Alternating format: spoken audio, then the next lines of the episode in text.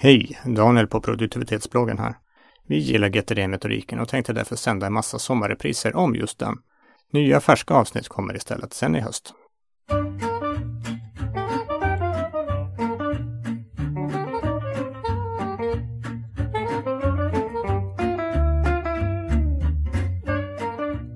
Hej hej och varmt välkommen till produktivitetsbloggens podcast. Vi pratar GTD idag och vad är GTD och till vad kan du använda det?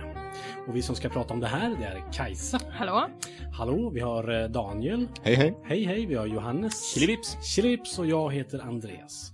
Och GTD är en förkortning av Getting Things Done och det här har ju blivit ett koncept som väldigt många använder, väldigt många pratar om. Så vi tänkte att vi skulle sätta ihop ett par program och prata om just GTD och här börjar vi med inledningen. Kajsa, damerna först. Vad är GTD? Ja, som du precis sa så är det ett, eh, en förkortning på Getting Things Done. Få det gjort. Och det kan beskrivas som en metod eller ett system med, för många med lite viss halleluja-stämpel men som egentligen inte är så avancerat utan att på ett enkelt metodiskt sätt så går du igenom ett antal steg och helt enkelt resulterar i att få saker gjorda. Och då är, då är ju min fråga då som helt så här total GTD-noob. Vad är, varför inte bara en att göra-lista? Vad är det för fel med en sån? GTD är en att göra-lista, är det inte det? Eller vad säger du Johannes? Jo, absolut. GTD är, är listornas eh, mecka skulle jag vilja säga. Det, det är att göra listor på, på eh, anabola. Så jag borde vara väldigt bekväm. Det borde vara väldigt bekvämt. Okej. Har man jobbat med, har man haft en att göra-lista men, men känner att, att en, att en att göra-lista inte rymmer all världens djuphet och allt man behöver göra, då, då kan man nog ta och köpa sig den här boken som David Allen har skrivit som heter Få det gjort eh, och läsa den och få lite, några verktyg till hur man kan. Det blir en förfinad att göra-lista efteråt kanske. Exakt, exakt. Och vad, är, vad, vad är stora skillnaden då egentligen om man ska så här bara vitt och brett? Jag menar, alltså, när jag jobbade med att göra listor som bara att göra listor, då var de högst temporära. Det var så här, åh, nu är det för mycket i huvudet, nu skriver jag ner här. Så. Men, men GTD är mer ett system som gör att, att det kan bli ett, en kontinuerlig avlastning för hjärnan, så upplever jag det. Eh, så, att, så att istället för att för en, en lördag skriva alla de grejerna som ska göras på, på en lördag så finns det där hela tiden. Så att när det blir lördag och jag har en ledig dag, då, då har jag tänkt in igenom innan vad jag kan göra på en ledig lördag hemma. Och också minimera antalet att göra listor. Att man har inte en för jobbet, en för eh, familjen, en för det privata och så, utan ett, eh, ett gemensamt system. Eller det kanske är olika listor, men det är ändå samlat på samma ställe. Så att man, eh, var man än är, i vilket sammanhang och plats och så, har tillgång till vad man behöver göra. Men vi pratar om att man blir organiserad. Går det fortare eller vad, vad är vinsten liksom i det? Blir jag snabbare om jag kör med GTD?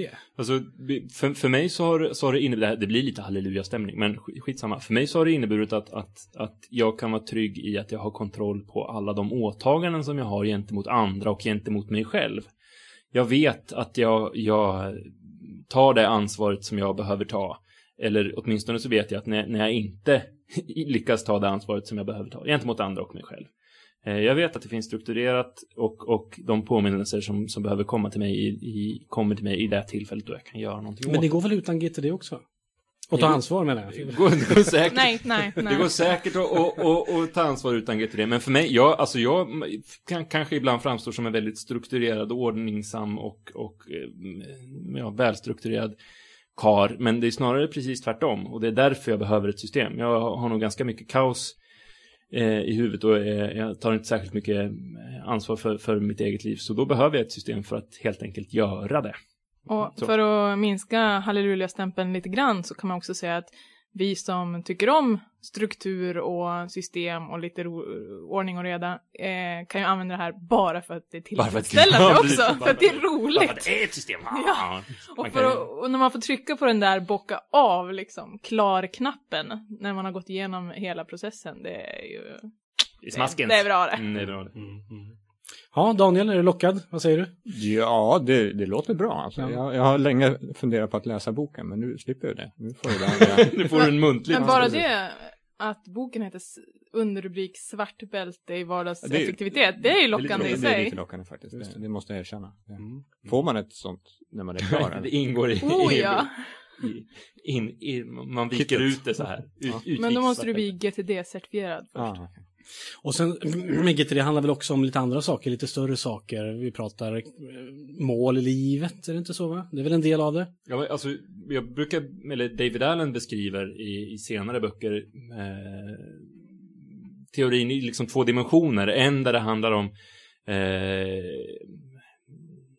liksom hur, hur man organiserar att få, att få saker, saker gjort. Processen liksom med, med samla in, organisera, bearbeta och, och, och till slut göra. Eh, den andra som, som går på höjden, då, ha, då ha, ha, ha, utgår du från dina, dina åtgärder och sen så glider du upp mot projekt, eh, mål, visioner och sen så till slut syften och principer. Liksom man ställer sig frågan varför, varför finns jag på jorden? Och utifrån det så kan man ju ner, sen tratta ner liksom, men vilka, vilka mål ska jag, ska jag ha och vilka åtgärder ska jag göra och vad ska jag göra idag för att nå det syftet som jag har för att, att jag är här på jorden. Det låter blev det? väldigt, väldigt stort. Ja, det är Men, fantastiskt det, stort. men eh, där kan man också göra ett val. Vill jag att det ska vara så här stort? Ja, ja då gör jag det så stort. Mm. Vill jag inte det, då kanske jag vattnar blommorna och är nöjd. Vill, vill, vill jag veta vad jag ska köpa i affären, ja då, då duger inte det till det också. ja. Men säg då att jag, jag som nu inte alls har kört GTD här, om jag skulle vilja så här, nu banne mig, nu ska jag komma igång med, med GTD. Hur lång tid tar det? När börjar jag se effekt av den här, om jag skulle säga imorgon, nu kör jag. Alltså, det första steget när man närmar sig GTD, det är förutom att, att, att läsa boken och lyssna igenom våra podcast och läsa, läsa GTD. Hur tjock är boken? Tjock, boken är så här tjock ungefär. Ja, ah, så tjock. Någon- Det är jättebra för våra lyssnare. En och en halv centimeter. En, en lagom pocket på kanske Okej. 200, 200 sidor. Ehm, eh, men men när, när man har, liksom har, har blivit intresserad av det och läst lite, eh, så, så första steget är ju att samla in allt. Alltså precis allt som du har i ditt universum. Samla in det och, och få en översikt över det. När du har gjort det, så, så förhoppningsvis ska du känna en viss lättnad redan då. Så det finns en, en liten tröskel för att komma igång alltså? Så här, Men jag tycker in, inte att eller? tröskeln är så himla stor för att det handlar väldigt mycket om, om sunt förnuft. Och har du redan en att göra-lista så kan du känna igen dig väldigt mycket när Mm. du börjar läsa det här. Att ja, men det där gör jag ju redan. Så får man lite tillfredsställelse över det liksom. Jag kör ju lite GTD. Men förfina det som sagt. Så det är mer, det är mer limmet mellan...